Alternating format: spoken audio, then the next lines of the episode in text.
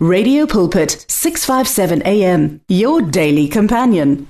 Kulohlelo lapho sithi khona mphatlalatsane ekseni kungolosihlanu ngilithathe leli thuba mlaleli ngikubingelele egameni elihle igama lenkosi yethu Jesu Kristu waseNazareth. Ngiphinde ngibonge nakubahle enhlapho ukusiboleka ke leli thuba. Bahle uNkulunkulu akubusise. Mlaleli namhlanje ngifisa ke sifunde laphayana encwadini yamahubo 82 ke sithi ukufunda laphayana kuverse 6 sibonisane mlaleli singabantwana bakaNkuluNkulu. Ake sifundeke mina ngathi ningonkulunkulu nina nonke ningamadodana ophezu konke. La izwi laNkuluNkulu umlaleli likhuluma ngokuthi ningonkulunkulu. Uma liqhubeka bese lithi ke nonke ningamadodana ophezu konke. Okuye kuqhamuke la mlaleli ukuthi uma izwi likaNkuluNkulu lithi singonkulunkulu bese lithi nonke ningamadodana ophezu konke. Ngamanye amagama kungachaza ukuthi singabonkulunkulu emhlabeni. Umbuzo bese uyaqhamuka ukuthi uma singabonkulunkulu singabonkulunkulu kobani? Ngoba angeke ube unkulunkulu nje kwaphela. Kumele ube unkulunkulu wobani?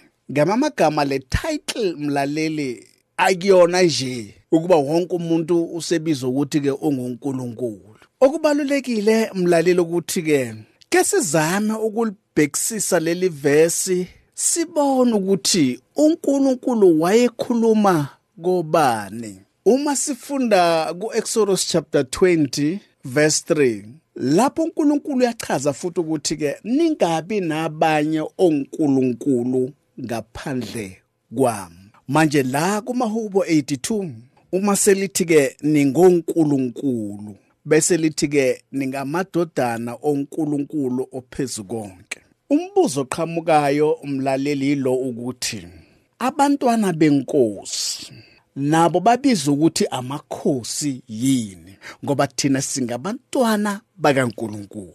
Ngendlela mina engizwisisa ngayo umlaleli uma inkosi isindlulile emhlabeni kuba khona umntwana okhethwayo abekwe esikhundleni sikayise ukuze abe yinkosi.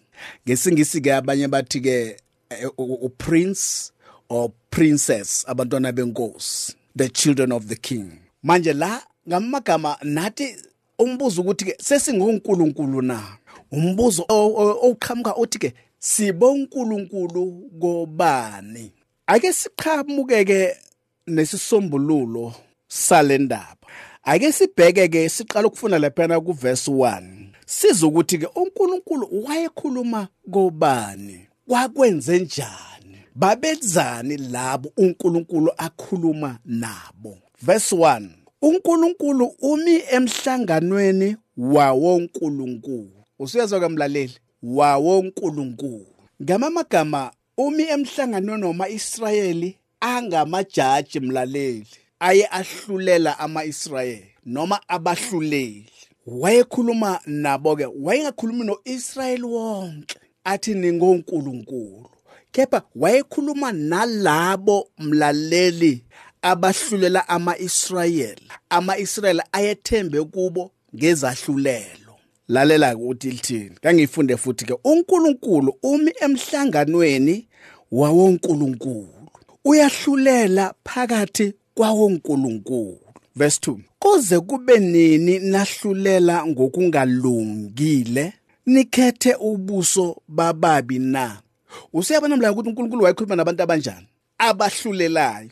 Ngakho ke babe bandlulula bakhethe ubuso babantu. Ngamamagama babesaba abantu abanezimali bahlulela abantu abampofu kepha abanezimali abadlizambana likapondo bangabathinti ngenxa ukuthi bayazi ukuthi ke kukhona imvulopo ebrown eyehlayo ngomlenze. Kuverse 3 bese lithi ke yahlulelani ompofu nentandane nimenzele okufaneleyo olusizi noswelayo. Kuverse 4 bese lithi ke khululani oswelayo nompofu nibophule esandleni sababi. Ngamamagama labahluleli laba lamajaji labo uNkulunkulu laba babengahluleli ngendlela kuyiyona yona. Babehlulela ngokwesaba babheke izisu zabo. Esikhathini esiphila kusona mlaleli. Kunjalo. Kungakumshumela athi ke ayikho into entsha ngaphansi komthunzi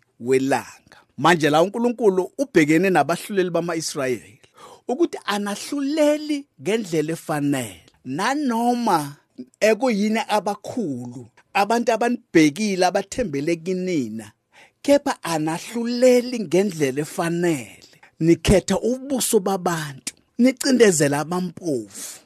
Ngakho uNkulunkulu la ubheka ukwahlulela okuyikhona kona. Kungako asethi ke verse 5 abanakwazi abanakuqonda bahamba ebumnyameni. Izisekelo zonke zomhlaba ziyazamazama ngenxa yemisebenzi yabo. iBhayibheli lithi ke abanakwazi. Ukhuluma nabo bani? Nalabo uNkulunkulu noma nalabahluleli bamaIsrayeli. Abanakwazi abanakuqonda bahamba ebumnyameni. Izisekelo zonke zomhlaba ziyazamazama. Bese kuverse 6 athi mina ngathi ningonkulunkulu nina. Ngithe mlaleli la uNkulunkulu bengakhuluma noIsrayeli wonke kepha iBhayibheli laliyachaza ukuthi emhlanganweni wawonkulunkulu and uyabona noN wakhona umncane. Ngakho ke ngithe singonkulunkulu yini? Sizoloku sibonisana mlaleli ngaleli verse. Size si sibonisane ngempela sibone ngempela ukuthi ke lisho thina yini ukuthi ke singonkulunkulu esingabantwana bakaNkulunkulu na? Mina ngathi ningonkulunkulu nina.